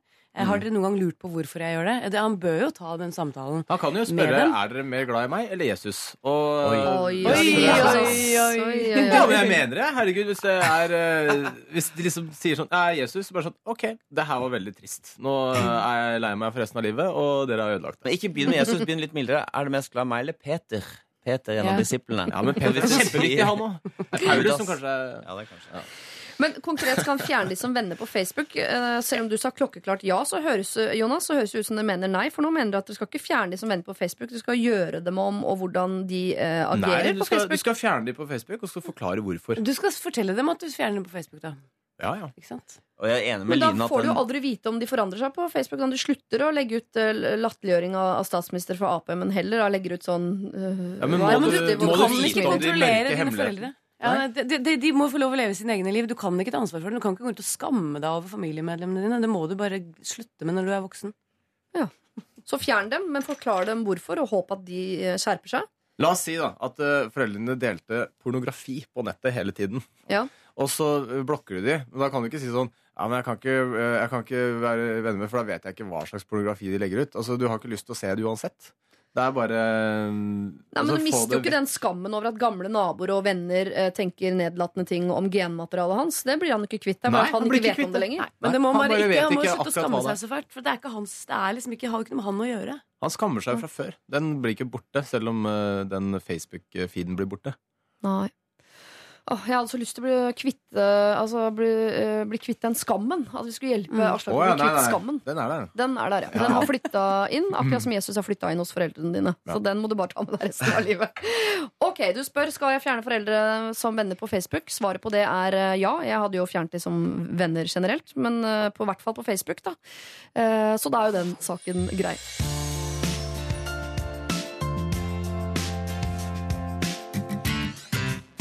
Eh, Jonas Kinge Bergland, eh, Line Verndal og Harald Eia ga et ganske tydelig eh, ja på spørsmålet om han skulle nettopp slette foreldre som venner. Og han skriver her. Hei, Supergjengen. Tusen takk for fantastisk program. Som dere rådet meg til, har jeg fjernet foreldrene mine på Facebook, men uten å ta noe voldsom prat om hvorfor jeg gjorde det. Siden jeg fjernet dem, har jeg fått en ny vennespørsel fra dem begge to. Den er ignorert. I stedet skrev jeg en kort melding til dem der jeg sa at verken Jesus, andre eventyr eller religionspropaganda har plass på min newsfeed. Praten dukker nok opp i løpet av juleferien, men jeg er ikke spesielt engstelig for det, da jeg er en ener på konfliktskyhetsskalaen overfor foreldrene mine. Hilsen Aslak. Ah, jeg merker eh, Noen ganger vil jeg bare ha mer, mer, mer, og jeg, kanskje jeg er litt kravstor, jeg vet ikke, men jeg merker at eh, dette her setter jeg veldig pris på, Aslak. Men jeg ville også satt veldig pris på om jeg kunne få vite hvordan det hadde gått nå etter eh, julen. Altså når denne praten faktisk dukket opp, eh, hva som ble sagt, om dere ble enige, eh, eller om du har hatt en hyggelig jul, egentlig, da, summa summarum. Hvordan har det helt tatt eh, utartet seg? Så hvis du finner det i ditt hjerte, eh, så send en ytterligere tilbakemelding til Lørdagsrådet for å mate min indre newsfeed. lralfakrøll.nrk.no. Lørdagsrådet på P3. P3. I september så hadde vi besøk av eh, rådgivere Are Kalve, Einar Tørnquist og Leo Ajkic. Og de skulle hjelpe Sara, som var bekymret for moren sin. Hun får besøk av en tysk familie hver eneste sommer, og de sliter henne ut. Jeg begynte diskusjonen med å høre hvordan forhold rådgiverne har til Tyskland, og siden Einar er fotballentusiast, så eh, regnet jeg jo med da at han elsker eh, Tyskland. Det sier du bare fordi at jeg var nazist fram til jeg var 30? ja, det er kanskje det jeg tenker på, ja. Ja. Eh, eh, Are Kalvø, Leo Ajkic, jeg vet ikke hvilket forhold dere har til Tyskland. Det er ikke så relevant Jeg bodde heller. der, jeg. Jeg bodde i München. Hvor lenge da? Fire-fem måneder da jeg var liten flyktning. Så, Snakker du så- tysk? What's up? Ja. Nei, nei, men jeg, Ja, det jeg jeg, faktisk. Deutsch. Jeg snakker sånn bosnisk-tysk. Med harde r-er og sånn. Ich verstehe Deutsch. Hva sagst du? Hvor bist du? Hvor is das Geld? Det er viktig. Hvor er pengene, liksom? Ja. Geld. Ok. Eh, mye følelser rundt landet Tyskland, eh, altså. Og det er det også hos Sara, som har sendt inn følgende problem. For rundt 20 år siden jobbet min mor i en klesbutikk. Det dumpet inn en tysk dame som lurte på om min mor visste hvor det var mulig å overnatte. Grunnet en fotballcup var alt fullt, men snill som min mor er, åpnet hun vårt hjem og slapp inn denne kvinnen i våre liv. Hun ble værende i en uke, Og etter det besøket har hun besøkt oss hver sommer. Vi har også besøkt henne, men tør påstå at hun nok har vært mest her i Norge. For noen eh, år siden fikk min mor eh, hjernebetennelse etter et flåttbitt, og etter det blir hun veldig fort sliten. Dette bekymrer selvsagt oss tre døtre, og vi maser minst mulig på henne med tanke på barnevakt og alt mulig annet. Så til problemet. Denne tyske damen har til tross for at hun vet om både hjernebetennelsen og uh, en annen alvorlig sykdom, fortsetter å dukke opp hver sommer. Det er ikke noe spørsmål engang, hun gir bare beskjed om at hun og hennes nye mann kommer, og de blir boende i to uker. Vår kjære mor sier, og far sier selvsagt eh, ikke imot, og de åpner dørene, men de klager mye til oss om hvor sliten hun er av å ha dem på besøk, og ønsker dem dit pepperen gror. De forventer at maten skal bli servert, og de gjør null innsats for å hjelpe til med frokost eller middag. Jeg er ganske så konfliktsky, men en av mine to søstre lider ikke av dette og tar eh, det gjerne på strak arm. Problemet er bare at hun ikke snakker tysk, og vi behersker ikke språket på noe som helst plan. Så hva gjør vi? Her skal du få løsningene og rådene som Einar, Are og Leo hadde. Flytt, skift telefonnummer, ikke send flyttemelding. Er det så, må vi dit? Jeg har vurdert det. skjønner egen død. Ja. Vi er der, ja. Åh, Og høres, ja. ja, høres jo ikke, ikke ut til noen til å være en person som, som tar eh, hint. Nei, jeg kjenner ikke til den tyske kulturen annet enn via film, hvor de veldig sjelden fremstilles eh, på en veldig hyggelig måte. Men Spesielt type film har de Det er hva heter den hunden? Tysk schæfer eller noe sånt? Rex. Rex det er jo Riesenschnauzer. ja, det er tysk. For får du en venn, så er en venn for livet. Du blir aldri kvitt han. En tysker. er de sånn, det, altså? Ja, det, du må drepe han. At, at tyskerne invaderer, det er liksom Det er et begrep vi fortsatt kan bruke. Tenk, tenk om det hadde vært Når blir det mulig å snakke om Tyskland uten å havne i andre verdenskrig? Ja, det går ikke. Det er lenge altså. Det er mange generasjoner. Det er ja. Kanskje de de må liksom bare si sånn uh, I'm so much into German culture, I become Nazi. Og så skremmer de vekk med deres egen uh, Bli sånn mer tysker enn det de er. Spiller Ja. litt på det. Nei, jeg vet ikke. Men jeg ser, to, jeg ser to muligheter. Det ene er Google Translate, for de sier de ikke kan snakke. Og Mm. norske språket og tyske er jo ganske så lik. Det er ikke som du oversetter kinesisk til norsk, og grammatikken er helt feil. Er, jeg er, du er, ich bin, du bist. Google gjør resten av jobben. De forstår. Skriv på norsk, oversett, send et brev. Ja, egentlig syns jeg det eh, Ikke bare er det lurt, men det, er også, det gjør at eh, konflikten eh, blir mindre, for du slipper å ta det face to face. Og du Ja. har en gyldig unnskyldning til ikke å ta det face to face. Jeg snakker Ja. ikke språket ditt, så jeg må Mm. skrive. Og det er en skriftlig klage òg. Sånn som når jeg spiller høy musikk eller bråker om natten, eller et eller annet, så vet ikke jeg hvem av naboene som klager. Jeg får bare en sånn Det er noen som lager en mail og oppretter en ny mail kun for den beskjeden, og så får jeg beskjed om at jeg har to muligheter til på meg før jeg må flytte ut, eller et eller annet. Men jeg vet ikke hvem som har sendt det. Ja, det er lurt. Da slipper vi konflikt, men jeg har blitt Men de tyske kommer til å skjønne at det er i hvert fall én i familien der, da. Ja. Men de vet jo ikke hvem, om det er fra mor eller om det er fra søster. Men de har jo, det er en søster her Hvis som det er ikke søster er som, konfliktsky. som gjerne vil gjøre det, så la hun gjøre det. Det er litt besnærende å opprette en mailkonto i navnet til mora, da. Ja, det, men det er ikke det Men hun moren vil Ja, men jo at alle skal synes hun er hyggelig og gjestfri og imøtekommende og Ja, men det er problemet, ikke sant? Jeg skjønner, jeg skjønner jo det. Ja. Det var så, så fristende. Ja, veldig. Mm. For da vil jo ikke mora vil aldri få vite hvorfor hun slutta å ta kontakt. Uh, tysker. Hvorfor hun ble så sur plutselig, hun tyske venninna. Hva galt har jeg gjort? Men er ikke det der veldig rart? Altså, Hun vil ikke ha det på besøk. Hun liker det dem ikke. Hun ønsker dem dit pepperen gror. Men å si ifra? Nei, men da er man jo ikke noe hyggelig, og da syns jo ikke de at jeg er hyggelig. Nei. Hvorfor er det så viktig at de skal synes at du er hyggelig når du ikke vil ha med noe med dem å gjøre? At det er to stykker nede i Tyskland som syns at det er idiot, det kan man vel leve med? Det kan man faktisk leve med, altså. Men eh, kanskje hun mest fremmelige, hun som skrev mailen inn hit, Ja. skal ta ansvar her, rett og slett, og bare kontakte dette tyske drageparet. Men skal man da be mor om råd, eller, skal, eller ikke råd, men eh, tillatelse? Eller skal man bare dure på? Nei. Dur på. Ta det fortrolighet. altså, jeg blir litt sånn forvirret av moren. Å, de er her, de maser, de krever så mye. Å, jeg blir så trøtt. Få de vekk. Å, velkommen tilbake. Det høres ut som de har et problem, foreldrene. Ikke de har bare et det er kjempeproblem. konfliktsky, men de er sånn jeg, Ja, vet ikke, jeg vet ikke hvorfor de inviterer de når de Jeg, jeg forstår det ikke, rett og slett. Åh, Det jeg. Kjenner meg kjempegodt igjen i det der. man Eh. ønsker å være hyggelig, og så er man det ikke når det kommer til et stykke. Ja, altså På vegne av oss som litt, litt konfliktsky eh, her, så jeg, jeg ville ha et problem med at to stykker i Tyskland uh, hater meg. Nei. Jeg ville ha et problem med det. Vil du? Ja. Ja, ja. Og jeg kjenner mange som Sånn er som det gikk sist. Ja. Unnskyld, fortsett. Ja. Ja. Jeg kjenner mange som er sånn som, sånn som denne mora, og det utelukkende folk jeg liker veldig, veldig, veldig, veldig godt. Ja. Så jeg forstår at, jeg ikke, at hun ikke har lyst til å bli en sånn som bryter med folk, og jeg skjønner at ungene hennes ikke vil at hun skal måtte bli det. Men denne søstera, som er litt mindre konfliktsky, Mm.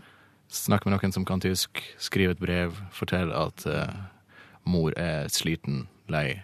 Hvis dere er her 14 dager hvert år, så, så kommer dere til å ta livet av henne. Men kan det formuleres på en måte som gjør at ikke de i Tyskland leser dette brevet som om øh, øh, Sånn som jo situasjonen egentlig faktisk er, da. Ja. At det er moren som har klagd, men har ikke turt å si fra sjøl, så nå har hun fått dattera til å sende brev. Ikke sant? For dat moren vil jo fortsatt at to disse to i Tyskland skal like henne. Jeg skriver at Mora syns, syns det er veldig hyggelig å få besøk av dere, men hun blir helt utslitt av det pga. at hun er syk. Så kan dere Bo på hotell. Bo på hotell, for eksempel. Hmm. Ja. Google Translate. For den fotballcupen varer vel ikke enda, som gjør at det var fullt på hotellet den første kvelden. Nei, det vil jeg ikke tro. Men eh, tenker dere også at det er mulig at de kan ha noe form for kontakt? For det kan jo hende at Skype. ja, Eller at de kan komme på besøk noen eh, dager, eller er det Ja. over nå? liksom? Er dette vennskapet over nå, idet det brevet blir sendt? Nei, altså mellomløsninger som bor på hotell, vær der i to dager istedenfor to uker. Ja. Da blir det jo kleint neste gang de kommer, da, for da husker alle det brevet osv. Ja, men her er, her er det ikke en uklein løsning. Bortsett fra å la dem komme og ødelegge hver eneste sommer, antar jeg. Mm, det er sant, det. Så det er jo Her blir de nødt til å ta, rett og slett, ta den støyten, altså. Ja. Men her har de en mulighet til å slå opp for alltid. De har det Det er det som er fett. at Hvis de vil, så kan de jo forresten Vi trenger ikke å snakkes igjen. Nei. Ja, det høres så deilig ut, det. Men de har kjent hverandre i 20 år, da, så kan det hende at det ligger et, eller annet, et korn av kjærlighet der, eller Ja. Det må hun finne ut av. Ja. Hva hun vil, Om hun vil ha de tyskerne i livet sitt, eller om hun vil vekk med de, deportere de. Ja. Vi har litt å gå på der, for å si det sånn.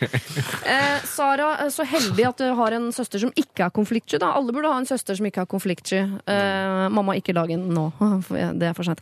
Men eh, det hadde vært veldig fint å ha det. Eh, så la henne skrive en mail som moren din kommer veldig veldig godt ut av. Så godt ut av at dere kanskje til og med kan ha noe med det å gjøre framover også, men da eh, fordi de bor på hotell i nærheten, eller bare er innom en dag eller to, eller, eller noe lignende. Og så sender hun via Google Translate, eller en venn dere har som snakker tysk. Eh, kanskje Leo kan være behjelpelig til å oversette. Og så sender dere den ned. Hva er det? Det er, ikke noe, det er ikke noe vei ut av dette her som ikke er klein. Og i verste fall så har dere mista to dårlige venner i Tyskland. Det kan vi leve med. Zwei, zwei Stück Freunde. Krankenschwester. ja. Dette er P3. Eh, Nå har vi fått tilbakemelding fra denne Sara, og hun skriver. Jo da, den tyske kvinnen har vært stille i det siste. Min søster, som til vanlig ikke er så konfliktsky, har plutselig krøpet inn i et skall og vil ikke komme ut med tastaturet under armen. Så nå sitter vi her, da, like langt som eh, før. Jeg er litt i tankeboksen på om jeg skal dele en flaske rødvin med min nydelige mor i jula og tilfeldigvis plumpe ut om denne Hitler-dama, høre om hun faktisk vil ha besøk, eller om vi skal gjøre noe med saken. For hun har en tendens til å småklage istedenfor å småprate.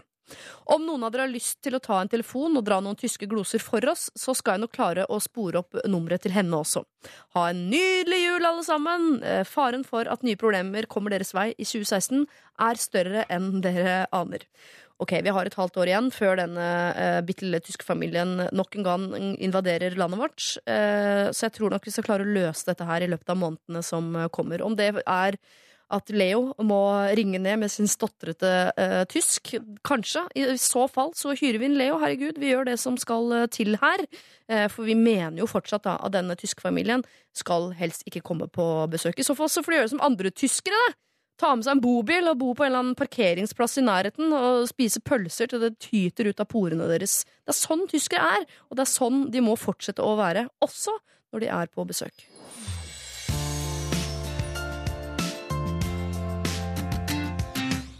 For eh, litt siden, i slutten av oktober, så var Linn Skåber rådgiver sammen med Gaute Grøtta Grav og P3s egen Erlend Osnes. Og vi fikk et problem til oss fra Petter. Han skrev Jeg har fått et stort problem. Jeg er homofil og har fått meg eh, kjæreste. Men sist lørdag kveld opplevde jeg noe som mest sannsynlig er det koseligste på denne jord. Jeg ble fridd til, og jeg vet at han er den rette. Men det er noen i min nærmeste familie som verken vet at jeg er eh, homofil, og som i tillegg er litt homofobe.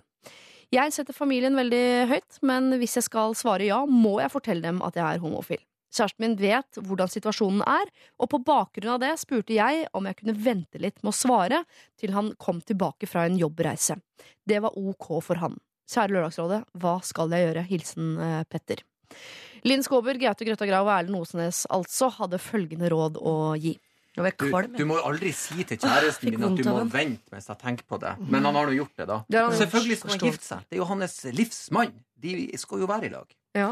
Ja, for folk som ikke takler Ja. det, de, de skal ikke takles med heller. Det, det, fin- det finnes ikke. Sånn må det bare være. Men han har stor respekt for foreldrene sine. Det forstår de tenker litt annerledes. Det er vanskelig. Det er, det er Ja, jeg skjønner, men vi må stå opp for det igjen men foreldra må våkne, fordi Ja, at det blir akkurat som om at jeg skulle sagt Sønnen min Mm. kommer hjem med dama si, så sier jeg nei, fysj! Du skal finne den mannen å ha sex med. Du kan ikke kreve det av et menneske. Folk må jo få være mennesker, og det må jo foreldre forstå. Og husker, jeg vet ikke om så på sånne VG fulgte sånne nettroll, da. Mm. Og så bare intervjua ei dame som var så veldig imot eh, innvandrere. da Bare hata innvandrere.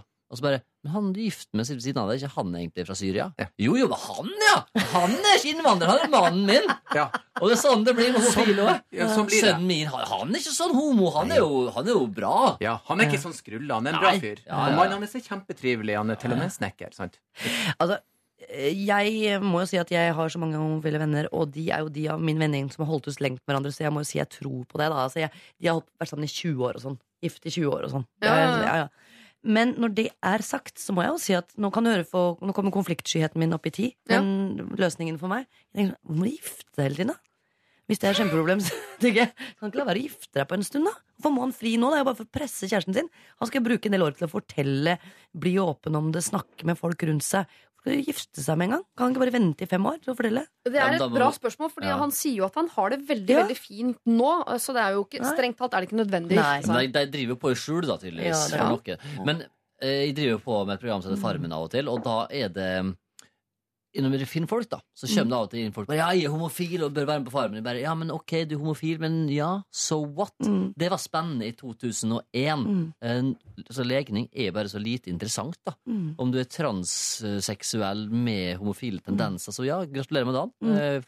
Mm. Eh, Fortsett med det. Men nå skal dere være klar over at vi eh, er jo ganske unge alle sammen og bor på steder med mer enn 14 Ja, innbyggere. Eh, Vi skal ikke så veldig langt utafor bykjerner eller så langt opp i alder før dette her er vanskelig for folk. Mm, og Og uansett hvor lite vanskelig vi syns det er, så syns eh, enten pappaen eller mammaen eller ja. onkelen eller sånt til Petter syns det er fryktelig vanskelig med homofile eh, forhold. Men skal Altså, jeg bare tenker På et eller annet tidspunkt Petter kan ikke gå gjennom et helt liv uten å fortelle foreldrene sine at han er homofil. Uh, men han kan jo gå gjennom noen år nå og være forlova uten altså, Han kan jo velge selv Ja. når han forteller hva. Mm. Han kan vel til kjæresten sin kan han vel si ja. De kan være, hvis de er homofil, hemmelig homofile, så kan de vel være hemmelig forlova. Kanskje han er veldig kristent homofil, ikke sant? siden han legger det presset på. Det må være noe sånt, altså. Siden, altså hvis det er så viktig for han å gifte seg. Ja, men det kan hende at, at, at, eh, kjæresten til han eh, Petter her vil at de skal være åpne utad. Han Mm. prøver å få han Mm. Petter til å ta det Ja. siste steget. Og da må han Petter komme ut og begynne å leve. Mm. Du kan ikke skjule den du er, og det er ikke noe feil. Og det er egentlig, som Mm. Gaute sier, ingen som bryr seg, egentlig. Det er deres private rom. Gjør det dere vil gjøre. Det, det har ikke noe med noen ting å gjøre. Og da må du på et eller annet tidspunkt kaste den bøtta med kaldvann i fjeset på far din og la han. Få et lite sjokk, da. Eller om det er mor di eller tante eller onkel, hva det måtte være. Og så får de bli vant til temperaturen etter en stund, da. Og de, de, de kommer jo til å akseptere det. Og hvis de ikke gjør det, ja, da er det rom for andre mennesker i livet ditt. Ja. Men det er vanskelig. Jeg, jeg vil si jo det samme til deg. Jeg vil egentlig gjentatt det du sa, men det er klart. Det er som Siri sier. Det er jo langt, langt av gårde, kanskje. Og både fysisk og psykisk. Så det er Det kan vi si. Men vi kan fortsette å si det. Vi kan fortsette å si det helt til Petter Ja, jeg tror det, det er viktig at eh, vi ikke gjør folk usikre på greiene der. For det er det, det må ikke, Man må bare komme ut si fra. Sånn, og, og det å leve på for andre sine forventninger, det skal vi i hvert fall ikke gjøre. Vi skal være forsiktige med våre, våre egne forventninger òg, sånn sett. Men, begynne å leve livet mitt sånn som jeg håper at mutter'n og fatter'n ønsker det skal være. Det, det bærer feil av sted, altså. Nei, gjør det. Så bare gjør det.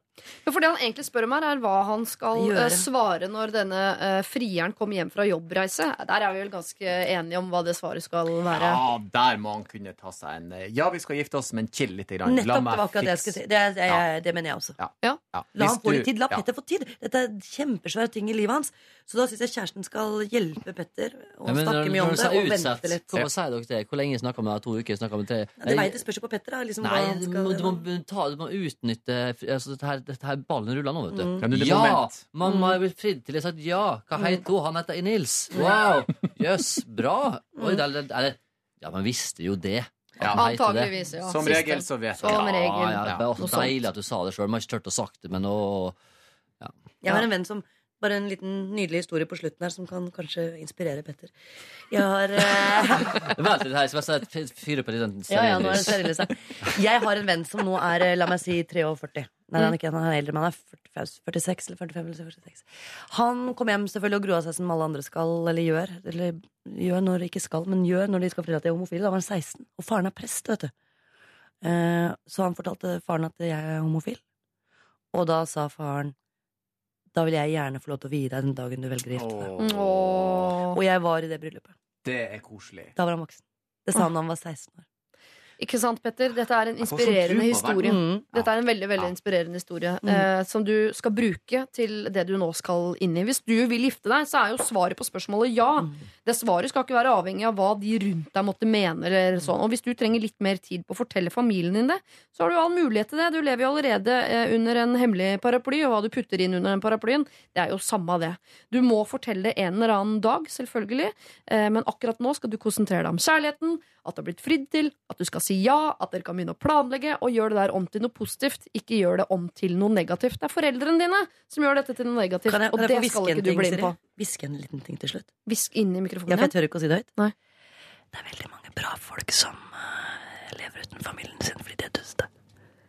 Ja, ja. Det er lov å slå opp med familien sin hvis de er skikkelig skikkelig duste. Det er egentlig et godt råd til alle problemer som blir sendt inn hit Blod til. Lørdagsrådet. Helt enig.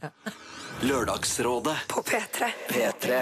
Linn Skåber visket seg altså ut av eh, de rådene der. Gaute Grøtta Grav og Erlend Osnes var også eh, rådgivere. Og om ikke du hørte det, så sa hun også at det er lov å slå opp med familien sin. Det er kanskje litt hardt å høre sånn i jula. Du sitter kanskje der nå med familien rundt bordet og satt eggerøra litt i halsen. I så fall beklager jeg det. Men vi har fått noen veldig hyggelige tilbakemeldinger fra denne Petter. Først fikk vi nemlig en mail, veldig kort mail, hvor det sto Takk for gode råd. Jeg tok Lørdagsrådets svar og svarte ja i kveld fredag. Samtidig som vi planlegger en fest hvor familie og venner får vite det. Og det er jo en veldig hyggelig mail å få, men enda hyggeligere mail ramla inn i innboksen til Lørdagsrådet eh, noen uker senere, for der sto det Jeg sender dere denne mailen etter en flott forlovelsesfest med venner og familie. For meg var problemet så simpelt at jeg ikke visste hvordan jeg skulle fortelle familien min at jeg er homofil. På forlovelsesfesten i går fikk jeg meg en gledelig overraskelse. Hele familien var så inkluderende, og derfor vil Kristoffer og jeg gjerne takke for at eh, jeg fikk den hjelpen jeg trengte for å ta dette skrittet og gjøre dette foran min familie. Hils alle og si tusen hjertelig takk for rådet. Hilsen eh, Petter. Ah, er ikke det eh, verdens beste motor for å fortsette Lørdagsrådet i 2016? Ja, så vet ikke jeg. Nå eh, har Petter hatt forlovelsesfest, og han skal gifte seg med mannen i sitt liv. Og familien som han trodde var eh, vrange og homofobe, de kommer til å være med. De står på sidelinjen, og de applaud applauderer. Så det man trodde var vanskelig, er egentlig bare en stor haug med særlighet. Og det er jo en kjempemotivasjon for å fortsette å gi råd til dere, kjære, som hører på Lørdagsrådet. lralfakrøll.nrk.no er eh, adressen vi kommer til å fortsette å bruke i all overskuelig framtid. Men i dag er altså Lørdagsrådet over. Det er straks eh, nyheter, og så er vi tilbake om en eh, uke. Da får du høydepunkter fra året som har eh, gått. Men fortsett å sende inn allikevel, altså, for straks er det 2016, og da er vi så på hugget etter å fortsette å gjøre verden til et bitte, bitte lite grann bedre sted for folk flest. Dette er Lørdagsrådet på P3. P3.